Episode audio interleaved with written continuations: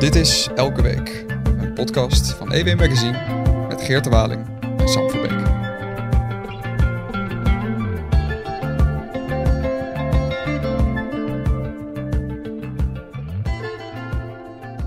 Geert de Waling. Sam Verbeek, hallo. Uh, wij hebben het vorige week hebben we het uitvoerig gehad over uh, alle politieke poppetjes. En ja. um, dat kunnen we bijna elke week doen, want uh, elke week zijn er weer een stuk of zijn er weer een handvol afvallers. Ja. We houden een uitvoerig lijstje houden we bij van iedereen die afzwaait. Ik geloof dat uh, degene die als laatste hebben gehad is uh, Peter Quint. De Peter Quint de, de, en, en Savannah Simons en uh, Fried Azarkan gaan niet door. Maar tegen de tijd dat mensen deze podcast luisteren, zal er misschien nog wel meer mensen aan zijn toegevoegd. We hebben op de site van EW magazine.nl hebben wij een uh, lijst staan die we bijhouden met uh, alle afvallers, uh, de afvalrace. Het live overzicht begint langzaam het langste artikel in het yeah. van, van het blad te worden. maar, maar um, misschien is het, want we, we, kijken uit naar, de, naar de verkiezingen. En ja. ook al is het, is het heel erg spannend om te praten over, over iedereen die daarbij betrokken is. En iedereen die het leiderschap van onze partij zal gaan vervullen.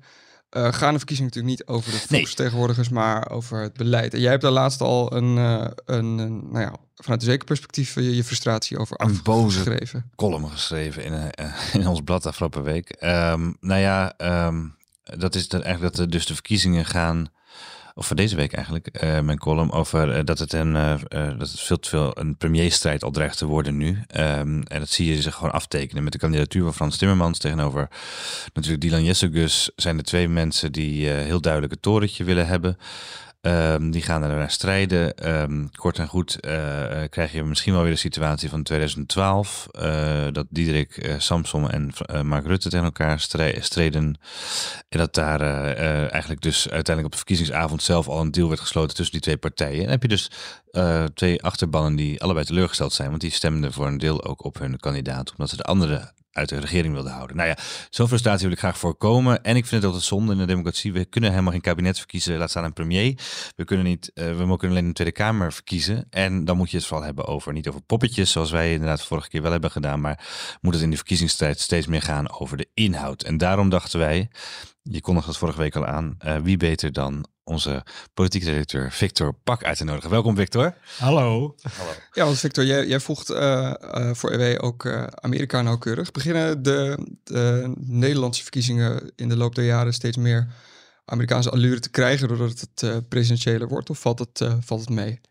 Ik denk dat dat nog wel meevalt. Al zie je wel, net als in de VS, dat de polarisatie in Nederland gewoon toeneemt. Dat blijkt gewoon uit de kiezersonderzoeken, bijvoorbeeld die van afgelopen uh, verkiezingen, dus die over 2021.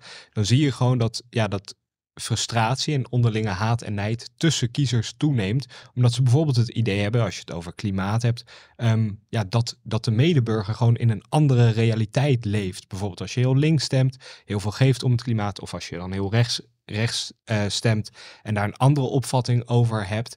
Um, het, het begrip onderling neemt af, dat zie je. Nu is er ook over, um, zeker bij het, uh, toen Mark Rutte dus nog, zijn vertrek nog niet had aangekondigd, dat um, het ambt van premier steeds meer um, als soort uh, president wordt aangevlogen. Ja. Dat hij ook uh, vanuit de Kamer werd beschuldigd dat, dat de grote problematiek die in Nederland heerst, dat het voornamelijk op zijn konto te schrijven was.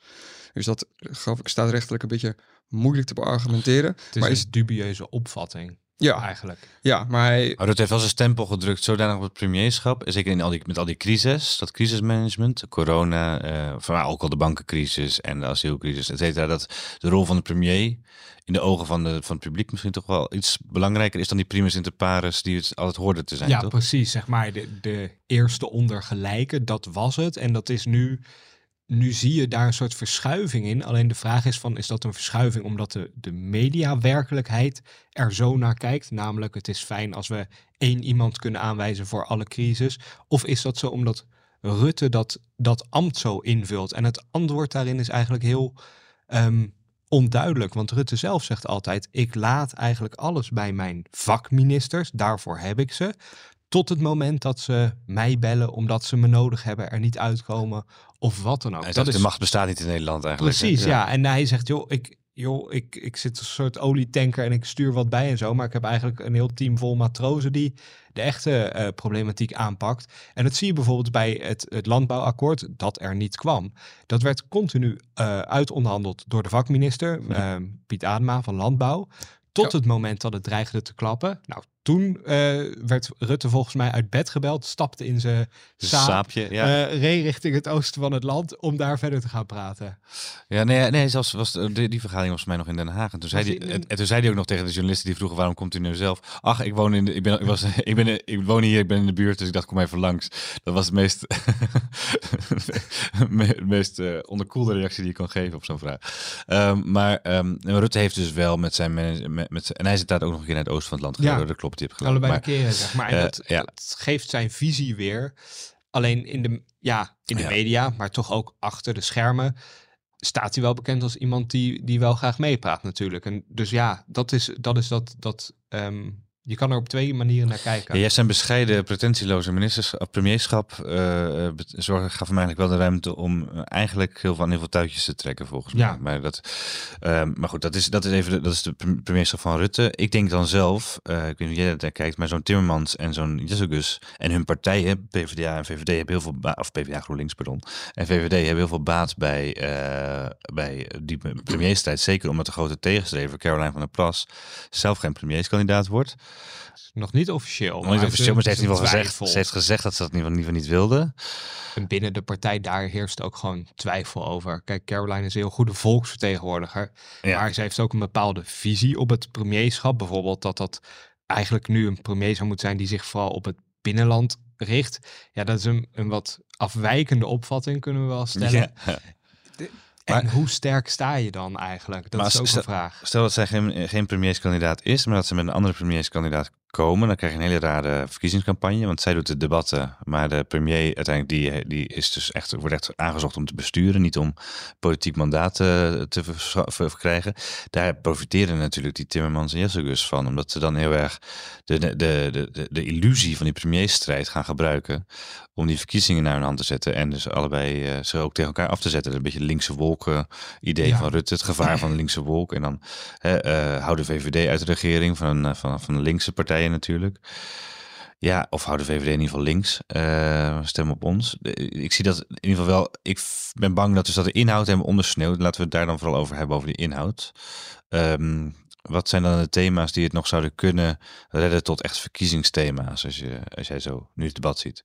Dat is heel lastig inschat, omdat eigenlijk alle partijen zijn ze nog aan het voorsorteren op de campagne, zeg maar. En dan zie je inderdaad dat, dus dat de poppetjes, die zijn inmiddels bekend, tenminste bij de, bij de meeste grote partijen. Behalve het CDA, die komen pas op 14 augustus met een voordracht voor hun lijsttrekker. En dan gaat er nog een paar weken overheen met tegenkandidaten, eventueel, et cetera, et cetera, voordat bekend is. Maar verder hebben de meeste grote partijen dus de poppetjes benoemd. Ja, en dan die inhoud, daar voor iedere partij is er natuurlijk een keus te maken waarop ze zich willen richten. De VVD ehm, zal zeer waarschijnlijk kijken naar migratie. We hebben een interview gehad met Ruben Brekelmans in het blad. Die zegt ook, we moeten eventueel openstaan om met de PVV te gaan spreken hierover. Ja, dat was een bommetje, Ja, dat was zeker een bommetje. Dat was ook oud-partijvoorzitter Ed Nijpels, die reageerde daarop en die zei...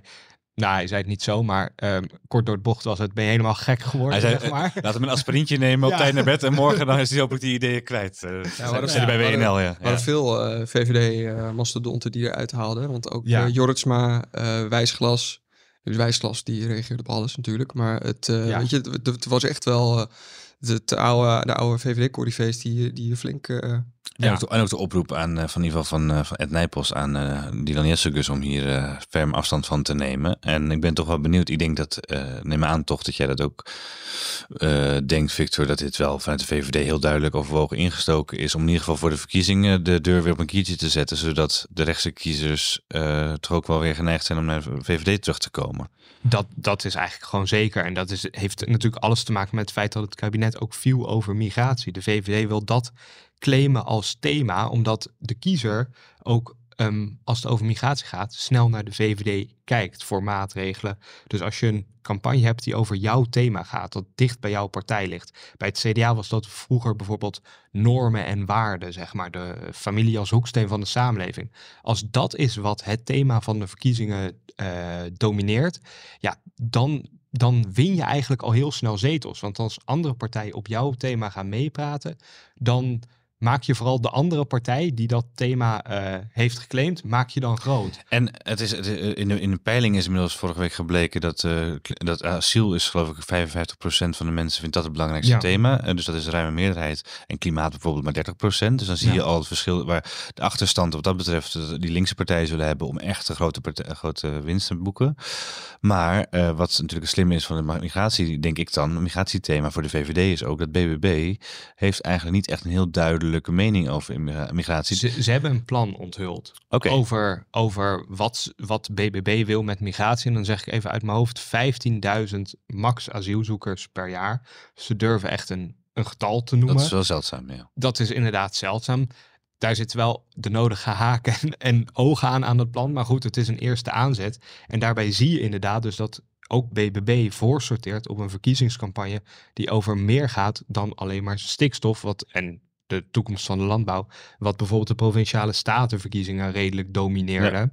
En dus, ja. CDA zal heel erg balen dat zij niet het kabinet hebben laten vallen op de stikstof of het landbouwakkoord natuurlijk. Ja, aan de andere kant, als de kiezer stikstof vooral identificeert met BBB, dan kan het CDA wel proberen daarin mee te doen. Ehm, maar dan gaat het mis, want dan maak je de BBB groot.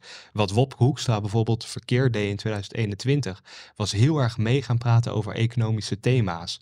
Alleen dat is niet waar de kiezer aan denkt als hij naar het CDA kijkt. Dan denkt hij aan normen en waarden, aan, weet je, sociale ah, cohesie. En toen Hoekstra dus, vorig jaar ook zei van uh, die 2030, 2035 moeten we misschien uh, meer uh, op richten. Je maakt daarmee eigenlijk alleen maar BBB groot. Ja, door dat, door dat thema dus Ja, door, dat, door het over dat thema te gaan hebben. Misschien um, kunnen we het um, uh, wat, thema's betreft, uh, wat thema's betreft even een overzichtje maken. Want we hebben nu al het gehad over dat de VVD.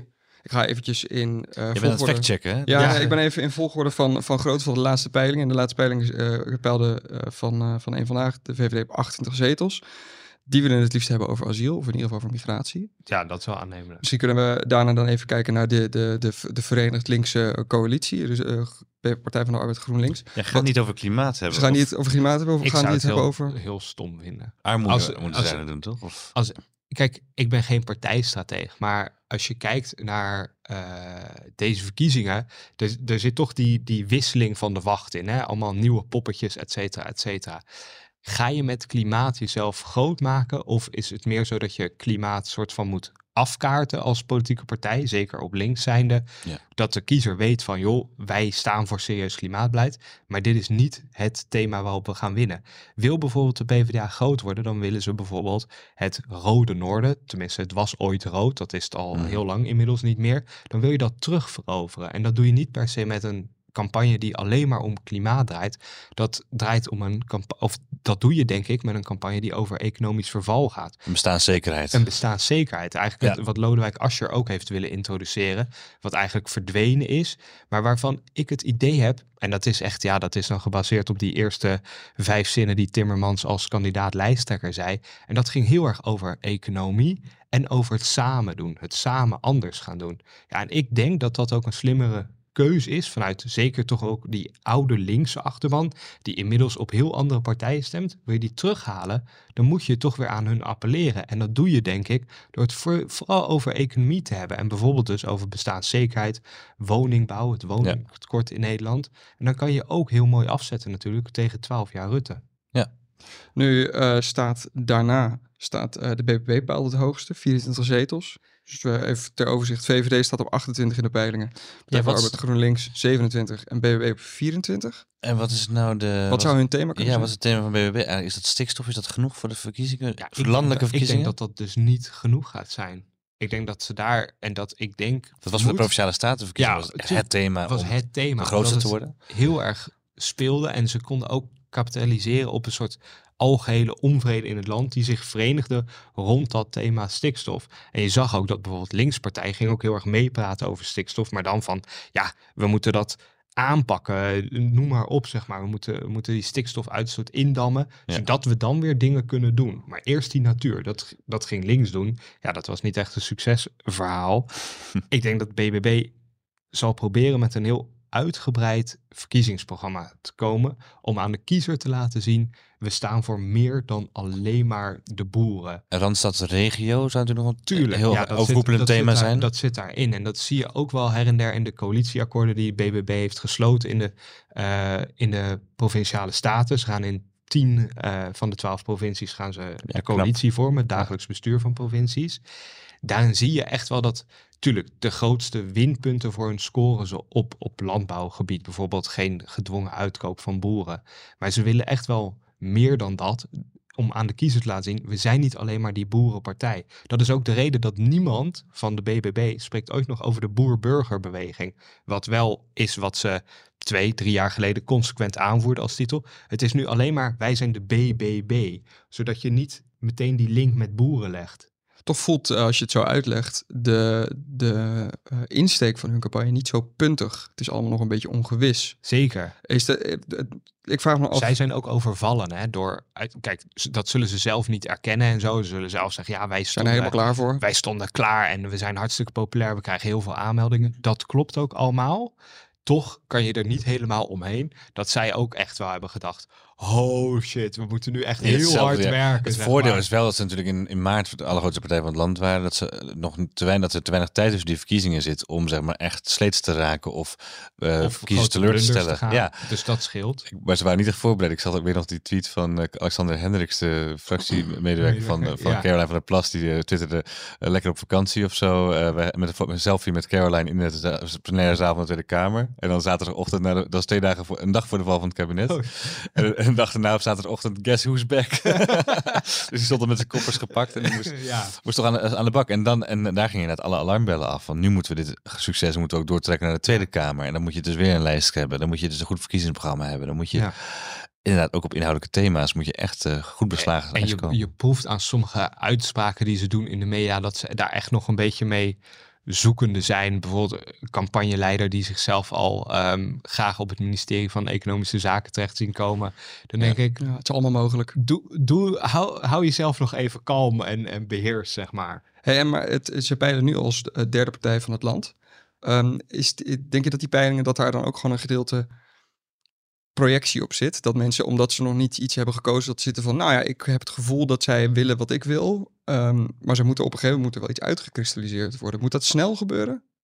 Niet, niet per se. Je ziet het lastige aan peilingen is eigenlijk dat die op dit moment een relatief slechte graadmeter zijn voor de verkiezingen, omdat alles nog ehm, heel complex is. Ja. Uh, politieke wetenschappers zeggen dat eigenlijk de um, voorspelwaarde van peilingen even groot is als de, als de huidige zetelverdeling in de Tweede Kamer. Nou, hm. die is toch echt vrij anders. BBB heeft bijvoorbeeld maar één zetel in de huidige Tweede Kamer.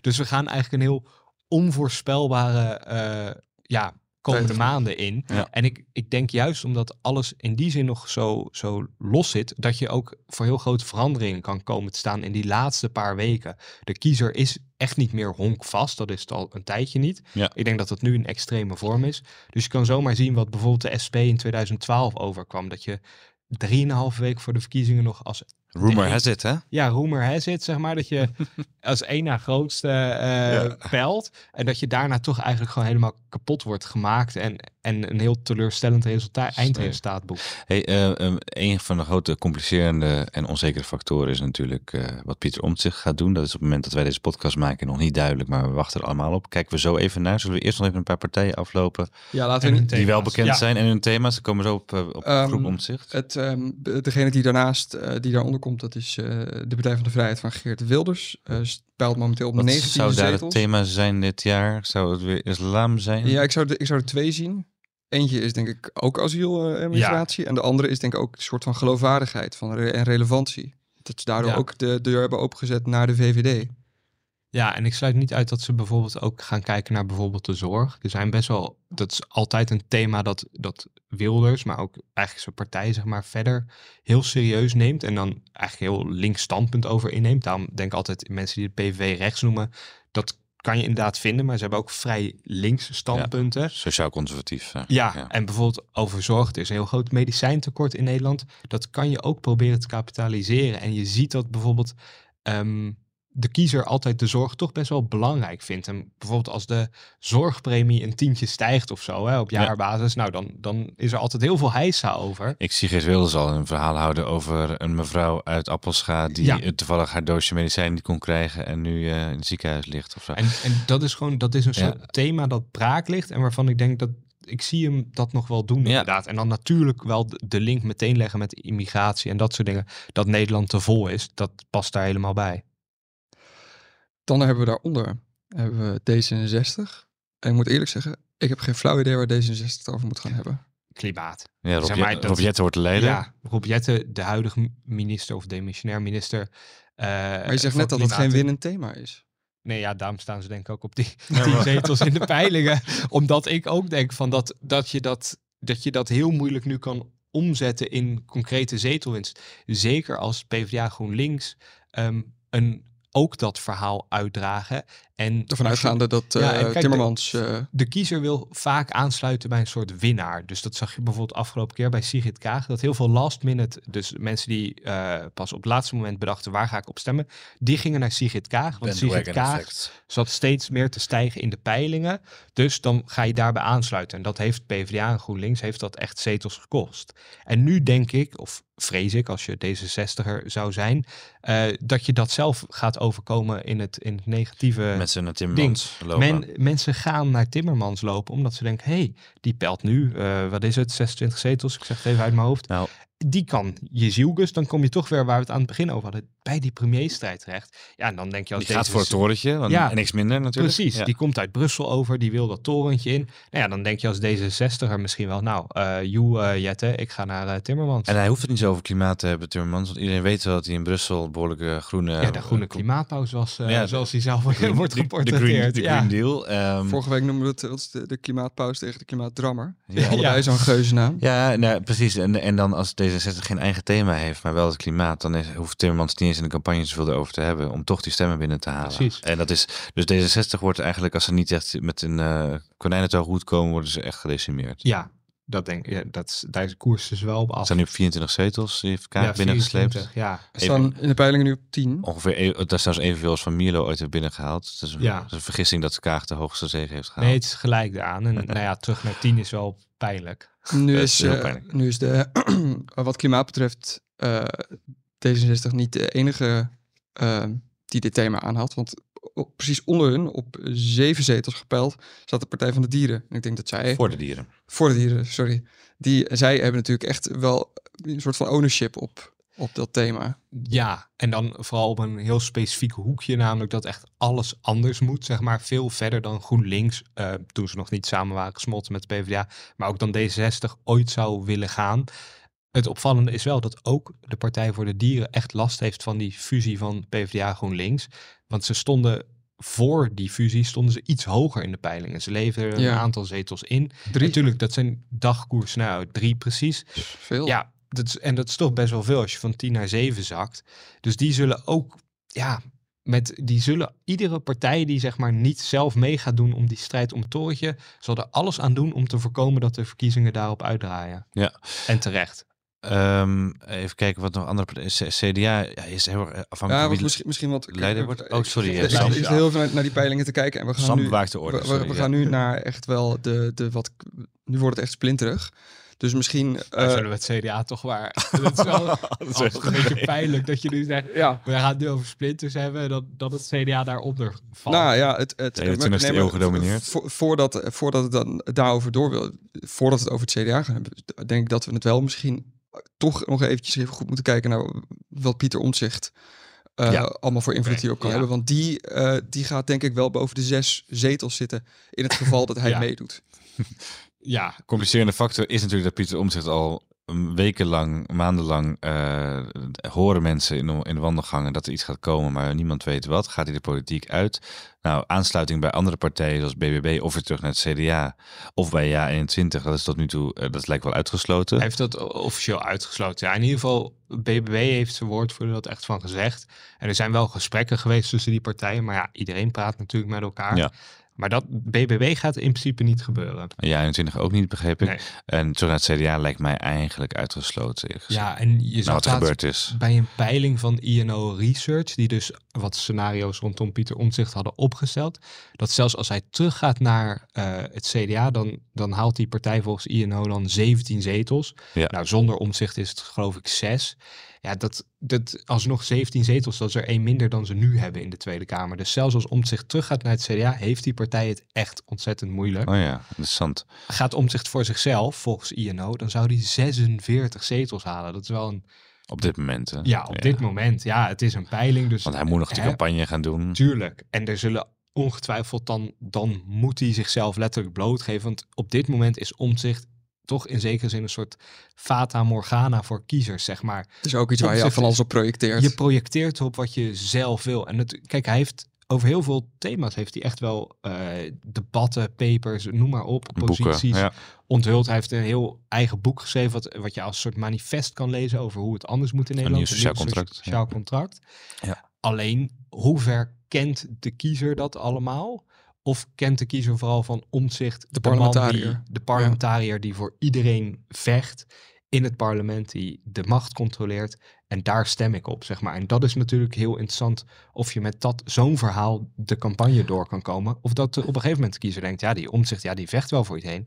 Maar wat hij nu zegt over klimaat, pensioenen, ehm, noem maar op, daar ben ik het eigenlijk niet mee eens. Ik ga toch iets an naar iets anders. En dat, dat gaan we pas zien als Omtzigt echt meedoet. En de paradox is natuurlijk dat uh, als hij echt heel groot wordt, dat hij dan ook de premier zou moeten leveren of zou moeten worden misschien. en dat hij daarmee niet meer de macht kan controleren, maar zelf de macht moet gaan vormgeven. Ja. Dus dat is wel boeiend. Uh, maar dat is, is, echt nog even in de, uh, in de sterren geschreven. Um, wij nemen dit op op woensdag 26 juli om even transparant te zijn voor de luisteraars. wij verwachten dat voor het weekend, dus vanmorgen, ja. overmorgen, dat hij met een bericht komt dat hij een eigen partij gaat starten, is eigenlijk al een beetje onze, hebben wij uit, uit het koffiedik hebben wij het opgemaakt, toch Victor? Je hebt er nog een beetje een nou, scoop over. Eh, nou, het is, geen, het is dus te zacht om te brengen op dit moment nog, maar we werken er ah, wel aan. Maar er zijn gewoon een paar registraties op internet te vinden die heel erg wijzen op dat er aan een website van een eigen partij wordt gewerkt. Kun je daar iets meer over zeggen? Nou ja, er zijn een paar URL's waar je naartoe kan gaan. Uh, bedenk de meest logische uh, varianten, bijvoorbeeld lijstomzicht.nl of lijstpieteromzicht.nl groep omzicht. Het kan van alles zijn.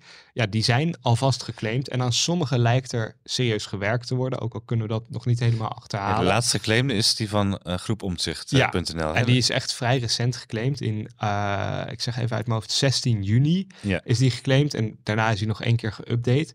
Ja, het, het zou een van die kunnen zijn. We weten het alleen nog niet helemaal zeker. Ik zet mijn geld in de lijstnaam uh, groep omzicht. want dat is ook wel de naam die hij in de Tweede Kamer heeft. Dat is dan groep lid omzicht.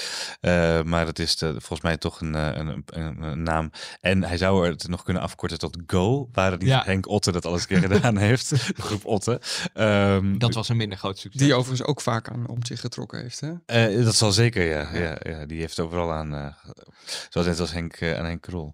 Um, nu, om het, want we, ja. we, vallen terug in, in de poppetjes, en dat zouden we niet doen. Nee. Oh, um, in het geval dat groep Omzicht inderdaad mee gaat doen in de verkiezingen, wat wordt zijn thema? Of wat worden de thema's?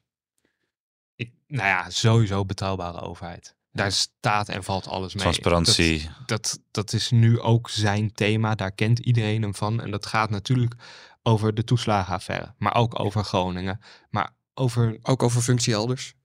Natuurlijk, ja. Aan de andere kant, de mensen die... Echt een nieuwe bestuurscultuur? ja, ik denk dat hij dat, dat, dat, dat hij daarvoor wil staan, zeg maar. En dat het dat dat is waarop het misloopt in Nederland. En dan naast die toeslagen in Groningen eigenlijk op heel veel andere aspecten ook in het land. Hij zal het ook over pensioenen gaan hebben. Hij zal, zeg maar, die visie van hem, dat de staat Nederland eigenlijk aan het vastlopen is. Dat de verhouding tussen staat en burger uit het lood zijn geslagen. Dat zal die denk ik op alles projecteren. Omdat je dat ook in heel. Je, dat kan je ook heel goed doen. Dat kan je doen op migratie, op hoeveel asielzoekers we opnemen. Dat kan je doen op woningbouw. Waarom bouwen we te weinig huizen? Dat kan je ook doen op, op stikstof en landbouw. Dus je komt. Dat kan je als een soort ja het soort uh, maizena. Je kan het op alles uitstrooien om, het, om een soort bindmiddel ervan te maken. Ja. Dit is een goede voor de titel van de podcast, Sam. Ik voel hem maar aankomen. We hebben altijd één zo'n woord. Het bindmiddel voor de...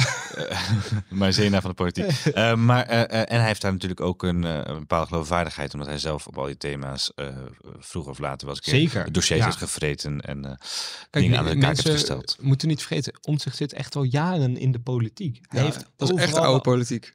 Nou ja, hij heeft overal wel een keer over meegesproken. Ja. Ehm, dus, dus in die zin, ja. Ja, um, wij hebben het vorige week, want vorige week waren wij aan het opnemen. En uh, precies uh, zoals dat, altijd, dat handig is met podcast, dan ben je aan het vooruitblikken naar gaat Timmermans zich kandidaat stellen en twee uur later stelt hij zich kandidaat. Um, uh, maar we hebben het toen ook gehad over, in het geval dat Timmermans zich kandidaat zou stellen, waar zal um, GroenLinks Partij van de Arbeid vooral de zetels dan vandaan gaan halen? Nou, wij dachten dat zal voornamelijk van D66 komen. Um, Pieter Omtzigt lijkt ze overal vandaan te halen bijna. Ja, dat, dat is ook gewoon, tenminste, de, die peiling van INO Research is het meest uitgebreid over om zich gegaan. Dan zie je eigenlijk dat hij overal plukjes vandaan haalt. Bijvoorbeeld uh, PvdA GroenLinks levert er een stuk of zeven in als omzicht wel meedoet. Ja, de VVD, doet ook genoeg over bestaanszekerheid. Ja, precies. De VVD levert er een stuk of tien in. Ook BBB levert dan weer in. CDA. Uh, PVV, CDA natuurlijk. Zo, heb je, zo verbind je alles. En ik denk dat dit ook uiteindelijk een grote valkuil is op het moment dat de kiezer toch denkt, ja, nee, toch, toch niet, zeg maar. Dat je ook weer heel snel uh, terug kan vallen. En denk je, ik bedoel, uh, ja, dit, dit wordt wel echt koffie te kijken, maar zouden partijen, weet je, gaan, gaan die dan ook aanvallen in de campagne? Of, of zullen ze zich juist veel meer op zichzelf richten? Dat die misschien zichzelf te grond richten tijdens zo'n campagne? Dus het is natuurlijk heel moeilijk, maar...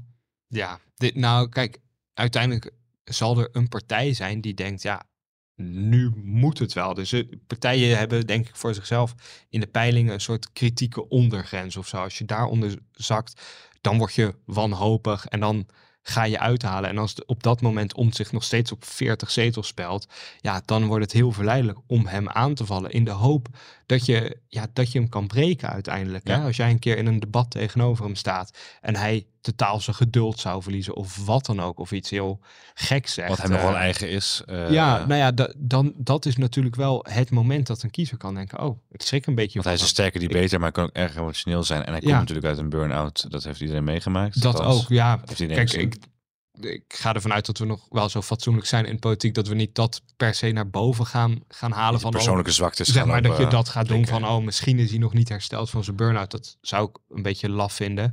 Ehm, dat gaat denk ik wel gebeuren. Het zou goed kunnen. Maar ik vind, god, we hebben het erover dat we die inhoud belangrijk vinden. Dan denk ik wel dat ze daar ook heel ja, Bovendien is, is omzet wel uh, charmant of sympathiek uh, bij het grote publiek. En ik denk dat je niet goed uh, sympathie van het publiek krijgt als je hem gaat dat persoonlijk gaat ook. kapot maken. Maar je zal misschien wel echt op de inhoud. Ja, en misschien dat hij wel een keer dan wat zegt in een debat waarvan de kiezer denkt, oh, hmm, ja, dit ga ik nog eens heroverwegen. Okay. En dan, dat kan natuurlijk op één thema zijn, waardoor bijvoorbeeld die tien zetels of, of die zes zetels die de PvdA GroenLinks aan hem verliest, dat die weer langzaamaan teruglopen. Ja. Uh, Sam, ik zie je nog druk schrijven. We zijn iets wel weer over de poppetjes bezig, dus hou nee, ons even scherp. Nee, ik zat eraan te denken dat toen tijdens die uh, lijsttrekkerscampagne al bij het CDA, toen werden er al lelijke dingen over hem gezegd. Weet je, ja. in, zijn eigen partij. Dus ik uh, hè, bedoel, het, ik, ik, ik, vrees gewoon voor hem. Dat is het meer. Nou ja, dat kan. Uh, um, um, ik denk dat het CDA dat overigens nu niet zal doen. We zouden de luisteraar nog vertellen wat het CDA ging doen. Ja. Die hebben voor de Provinciale Staten een heel plan geschreven voor heel Nederland. Dat was echt een boekwerk, maar ik heb het redelijk doorgespit. En dat is echt een nieuwe visie dat heel erg weer draait om dat, dat klassieke CDA eigenlijk van Balkenende-achtig niveau. Dus, dus um, Normen en waarden? weg, ja, inderdaad. Het gaat weer om normen en waarden. En wat, wat weg bij dat, ja, toch een beetje het conservatisme dat zeker Buma had. En Hoekstra ook nog wel in die hoek zat. Dus ja, ze schuiven echt weer wat op naar het midden. Alleen de vraag is, ja, welke, welke kiezer die luistert daar nog naar? Wie denkt ze daar te vinden, ja. Ja, dat, en zal toch heel erg afhangen van, van de partijleider die uh, opstaat of die wordt aangewezen? Ja, alleen het CDA staat voor een probleem. Ze hebben voorlopig alleen nog maar onbekende mensen in de running, zeg maar. Iedereen Ja. van een beetje naam en faam. Dus bijvoorbeeld Hugo de Jonge, Wop Koekstra zelf natuurlijk, maar ook een Mona Keizer, die nog wat meer bekendheid, bekendheid heeft bij de kiezer. Die zijn allemaal afgehaakt. Ze kijken nu naar bijvoorbeeld Tweede Kamerleden. Eh ik hoorde wat geruchten over gedeputeerden in... Karine van Gennep wordt ook wel genoemd. Ja, maar ook Karin van Gennep is nog niet het meest spetterende Consultant eh, minister, eh, minister die in Rutte 4 zat, zeg maar. Dat, je, je, als, je daar, als je dat aflegt tegenover de naamsbekendheid van bijvoorbeeld Dylan Jezielgus of Frans Timmermans, Caroline van der Plas, die scoren allemaal 7 à 8, soms zelfs 9 op de 10 kiezers kennen hen. Bijvoorbeeld Geert Wilders, die kent vrijwel iedereen. Ja.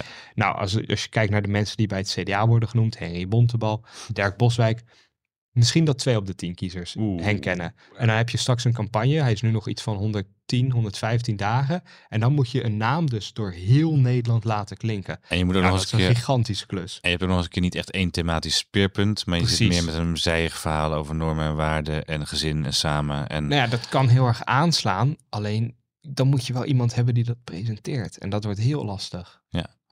oké, Komen we misschien wel bij wat simpeler. SP, zorg. zorg, Zorg, onderwijs. Onderwijs, eh, wonen.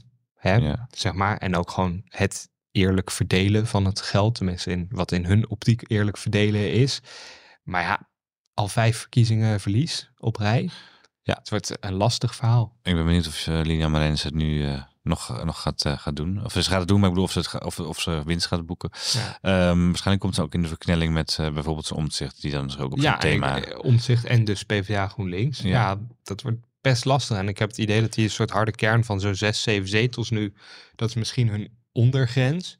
Maar ja, dat is, dat, ook, is niet... dat, is, dat is ook treurig, toch? Dat je zit je op je ondergrens en dan blijf je op je ondergrens. Nou ja, precies. Dat is niet wat het zij, geweest zij heeft trouwens ook een willen. concreet uh, aantal genoemd hè, van uh, het aantal asielzoekers. Maar zij noemde dus 75.000. Dat is ja. het aantal wat nu ongeveer binnenkomt. binnenkomt. En ja. zij zei van dat is prima te handelen en dat is goed. Ik vond het heel opvallende uitspraak, omdat dat voor de SP-achterban echt niet, uh, niet nee. per se aansprekend is. Nee, je zou zeggen, of zeg dan of minder, of, of neem een ander standpunt in uh, dat het anders moet of zo. Maar dat je zegt, nee, precies dit is goed, laten we dit vasthouden. Het kwam enigszins ondoordacht over, maar ja, ja. dat is ook, ze zeggen vanaf de zijlijn, dus... Het was ik bij een radio-interview ergens, ja. opeens zei ze dat. Ja. Maar dat ik wel denk, hmm, ik weet niet of dat het voor de SP-kiezer het, het ding is. Misschien was het een proefballonnetje.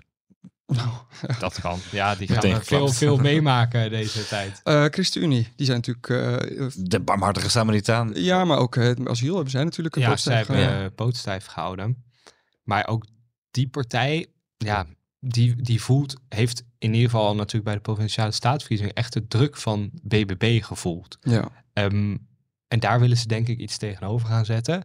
Alleen ze weten zelf ook nog niet wat. En hoe de kiezer dat ook te bereiken. Die hebben ook natuurlijk echt net, nou ja, de SGP is nog wel iets, uh, iets meer die hard, maar ChristenUnie heeft natuurlijk heel trouwe achterban. Maar ja, ze willen wel die, in ieder geval die vijf zetels houden en in peilingen spant dat er een beetje om. En ik denk toch wel dat meer Bikker een stuk minder charisma heeft, dan gaat je dan zegen. Hij is vooral ook een stuk minder, om, minder bekend natuurlijk bij ja. het publiek. En dat speelt je parten in een korte campagne die we gaan hebben. Kijk, heel Nederland is nu nog op vakantie ergens half september gaat die campagne een keer op gang komen. Nou, dan heb je dus acht weken maximaal nee, nee, nee, nee, om iets nee. te, te doen. 3 september al, wat is het? Maandag, de schoollezing. De, ja, de EW. De, de EW schoollezing 4 september. Dan 4 september is het, ja, met Caroline van der Plas. aftrap van het politiek jaar, maar een campagne kost veel geld. Ja. Ze zullen hun kruid droog willen houden tot er ook televisiedebatten en dergelijke gaan komen. Ja. En dat zal ergens pas oktober zijn, voor we een keer er echt ja, voor kunnen gaan zitten. Zeker. Hebben we nog, hebben we nog kleine splinters? We... Uh, ja, 21. Ook asiel, denk ik, hè? Zeker. Maar ja, ook lastig. Druk thema. Nu, nu, wil de VVD, heeft het kabinet erop laten vallen. Dat is wat Ja 21 heel lang wilde, maar niet voor elkaar kreeg. Ja. Ze hebben ook niet zo goed gescoord als ze hebben gehoopt bij de Provinciale Staatsverkiezingen. En een zeer aansprekend Kamerlid slaat, trekt de deur achter zich di dicht. Nicky Pauverwij is weg bij de partijen. Ja. Wordt wel gespeukelijk dat het op de lijst bij omzicht komt. Dat zou kunnen, want ze, heeft ze gezegd dat ze schreef meer... heel nadrukkelijk. Ik ja. sta niet voor ja 21, of keer niet voor ja 21 terug in de politiek. Nou ja, als je het niet voor ja 21 doet, misschien wel voor Pieter Omtzigt of voor BBB. Of, wordt toch wel. Je weet het niet. Ja. Volt. Dus Willen... een beetje last van vindt Frans Timmermans, hè? De, de ook, Europeaan. Ja, maar ook misschien dat ja, profiteer ook zelf van een leegloop van D66. Dat, dat zou natuurlijk wel kunnen. Kiezers die teleurgesteld zijn, want ze stonden recent nog vrij hoog in de peiling, maar dat was voor de kabinetsval. kiezers die teleurgesteld zijn over wat D66 heeft bereikt in het kabinet, kunnen wel denken, nou dan Volt, want GroenLinks PvdA is mij te links. Ja. Volt is namelijk wel iets minder links dan, dan Timmermans. En ze hebben stil, een soort sluipende wijze, hebben ze toch behoorlijk wat aan, aanhang gekregen. Zeker. Ik dat ik eh, met die verkiezingsavond afgelopen maart, provinciale statenverkiezingen, was ik in Haarlem.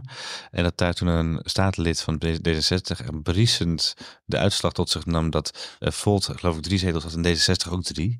Ja. Uh, en dat Volt dus eigenlijk gewoon een aantal zetels van D66 had afgesnoept. Ja. En die zei, ja, als we stage willen lopen in de politiek, kunnen ze ook gewoon bij ons komen. Of zo, weet je. Dat is letterlijk een citaat van, Ja, van de statenlid. ja. Ehm, en, ehm, en die was echt ja, zo teleur, en teleurgesteld en boos. En denk ik, nou ja, Democraten 66, hallo. Eh, maar goed, dat kun je wel, kun je wel vaker zeggen. Ja. Maar, maar dus de, de verbazing ook, eh, zelfs in de provincie Noord-Holland, eh, dat, de, over, die, Ja, over dat succes. Het is een relatief succes, het is een kleine partij, maar toch blijven ze steeds wel gestaan groeien. En Laurens Dassen krijgt steeds meer ge- gezicht, hoewel hij toch eh, ook niet de meest aansprekende leider is misschien van alle Ja, klopt, politieke ja. leiders. Maar hij, eh, hij doet het niet heel slecht. Dus Maar wat is hun thema? Wat is dat gewoon? eh, we moeten meer via, via Europa meer regelen? Europa. Ja, uiteindelijk, uiteindelijk staat en valt alles daarbij eh, bij Volt. Ja. Nou, dan is de volgende in mijn- op mijn lijstje is Forum van Democratie. Ik denk dat Thierry blij is als hij zijn zetel kan behouden. Die zullen natuurlijk ja, totaal op een, een toch uiterst rechtse frame gaan zitten. Dat houden er nog een paar, denk ik. Zal ik ook betrouwbaarheid Ja. de overheid neerzetten? Alleen dan op hun manier. Ja. op Betrouwbare hun overheid manier zonder democratie. Ja, op hun manier kun je dat invullen. Ze zullen over de Oekraïne-oorlog denk ik be- gaan beginnen. Dat Ja. Nederland dat natuurlijk Nederland is een van de eh, landen die het meeste steun geeft, zeker in Europa, Ja. aan Oekraïne. Daar zijn ze natuurlijk fel tegen. Eh, het zou ook weer over het WEF gaan, over hoe corona een bedrog was, et cetera, et cetera. Ja, daar is een heel kleine kiezersgroep voor, maar het is natuurlijk radicaal. eigenlijk Ja. waanzin om te bedenken dat, dat, dat vier jaar geleden dit de grootste partij van Nederland was. Het verval van die partij, dat is echt, echt ontzettend Dat- snel gegaan. Enorm. Hè? En dat is ook weer een les voor, eh, voor andere partijen natuurlijk. Hoewel, denk ik, eh, wat dat betreft, Baudet en, en ook wel een echte uitzondering is. De, de bochten die die heeft gemaakt. Tuurlijk. Ehm, maar een BBB zal echt wel, dus bijvoorbeeld ook qua Ja. screening van kandidaten en zo. Ze proberen echt alles eraan te doen om te vermijden dat zij het nieuwe Forum voor Democratie worden. En jij 21 ook, hè, de afsplitsing van Ja. eh, FVD. Ehm, dan is er, om eventjes de tijd een beetje te bespoedigen, de Sam. Ik denk toch eerlijk gezegd, bij één zonder Savannah Simons. op oprichten, nul. wordt heel moeilijk. kom- Eh, komen als er kan is afgezwaaid bij Denk. Ja, wat gaat Denk nog doen? Waar Hebben gaan ze nog- het over hebben? Waar ze het over gaan hebben. Ja, ik denk dat dat, dat vooral hun eigen thema's zijn over integratie, zeg maar. Ehm, zich verzetten tegen het, het migratiebeleid Ja. van, van nou ja, Dylan Jezielgus bij zeg maar, wat zij gaat presenteren. Dus tegen dat frame afzetten. En hopen dat ze hun eigen achterban, dat die ook gewoon opkomt dagen. Ze hebben een heel eigen verhaal. Ja. Maar hun kiezer moet wel naar de stembus komen. Dus zij gaan gewoon langs de koffiehuizen en de theehuizen. Ja. En in, de de, in de wijken met eh, grote groepen migranten. Daar zullen ze voor proberen te staan. Maar Azarkan was natuurlijk heel kenmerkend gezicht. Heel belangrijk ook in de toeslagenaffaire. Samen Ja. met Renske Leijten en Pieter Omtzigt. Hij zwaait af. Ja, dan moet je een nieuw aansprekend gezicht hebben. Die, die jouw kiezer, die jouw achterban meteen kent. En, eh, twee de zetels wil. Denk dat ze iets inleveren, ja. Ehm, SGP heeft het gewoon, dat is ook een niche. Hè? Ja, dat is nog een van de. Naast het CDA is de SGP de, een van de laatste waarvan we niet weten wie de lijsttrekker wordt. En her en der zijn er wel wat geruchten dat Kees van der Staaij misschien wel eh, klaar is met de politiek. Dus maar dat zijn echt wandelganggeruchten. Maar hij heeft nog niks toege- toegezegd over dat hij het doet. Ik geloof dat eind augustus eh, hij daar met een mededeling over komt. Ja, Dat, zou de nieuwe generatie, de generatiewisseling wel compleet maken. maken. Van Staaij is degene met de meeste anciëniteit in de Tweede Kamer. Ja. Dan is Geert Wilders het. Als hij weg Ja, volgens mij wel, ja. Wauw. Ehm, dan heb ik nog Staaij 50 plus heb ik staan. Ja. Ja 50 plus komt niet meer terug, denk ik. Hè? Of- denk het ook niet. Nee. We hebben allemaal ruzie. Nee.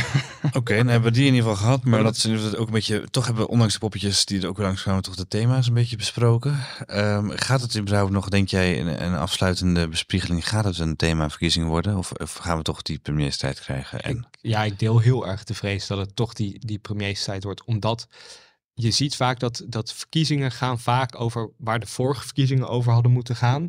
Toen werd dat thema van leiderschap eigenlijk helemaal lam gelegd. Het was heel erg allemaal kumbaya zingen met z'n allen. Eh, Rutte schreef een brief dat hij met alle redelijke partijen eh, de coronacrisis uit wilde komen. Het was alle verschillen verdoezelen. En ik denk dat je het nu heel erg gaat zien dat ze allemaal die verschillen uit gaan lichten. Maar dat dat dan inderdaad vooral gaat om om de personen. Omdat Timmermans een andere persoon is dan Jezielgus. Ja. En dat eigenlijk daarmee het toch in algemeenheden vervalt. Terwijl er toch met stikstof, migratie, maar ook gewoon de economie, ons verdienvermogen. Hoe, hoe ziet dat er in de toekomst uit met alle wensen rondom duurzaamheid en klimaatverandering? Hoe gaan we dan de economie vormgeven? We, we, de economische groei valt nu al een beetje tegen en stil eigenlijk. Ja dat zijn heel wezenlijke thema's. En de kiezer heeft er in ieder geval recht op om daar meer over te horen. Ja, ja Victor, um, we hadden je ook nog gevraagd om, uh, omdat je een essay aan het schrijven bent over Israël, waar je laatst geweest bent, waar heel veel speelt rondom die uh, hervorming van, het, uh, van, van, van de grondwet en van het... de democratie daar gewoon. En de democratie die op het spel staat, Hoge Rechtshof versus politiek. Um, maar gezien de tijd, wij moeten ook af en toe vergaderen op de redactie en daar moeten we zo meteen weer naartoe. maar daar gaan we binnenkort meer over horen. Ik stel voor dat Sam de show notes alvast een linkje zet naar onze artikelen daarover. En ook willen we jou natuurlijk altijd horen over de Amerikaanse uh, ontwikkelingen, de politiek daar, de presidentsverkiezingen die naderen volgend jaar. Maar uh, ik denk dat we daar nog tijd genoeg voor hebben om dat binnenkort te doen. Helemaal goed. Dank je. Jij, jij doet ook te veel onderwerpen. Dat is lastig voor jou als podcastgast. Alles, alles wat politiek is, vind ik interessant. Maakt eigenlijk niet uit welk land het is. En alles is politiek. Als je en alles is politiek uiteindelijk. Dankjewel voor je bijdrage, Victor Pak. En uh, we gaan binnenkort meer van je horen. Kijk in de show notes voor de links naar alle artikelen. Dankjewel, Victor.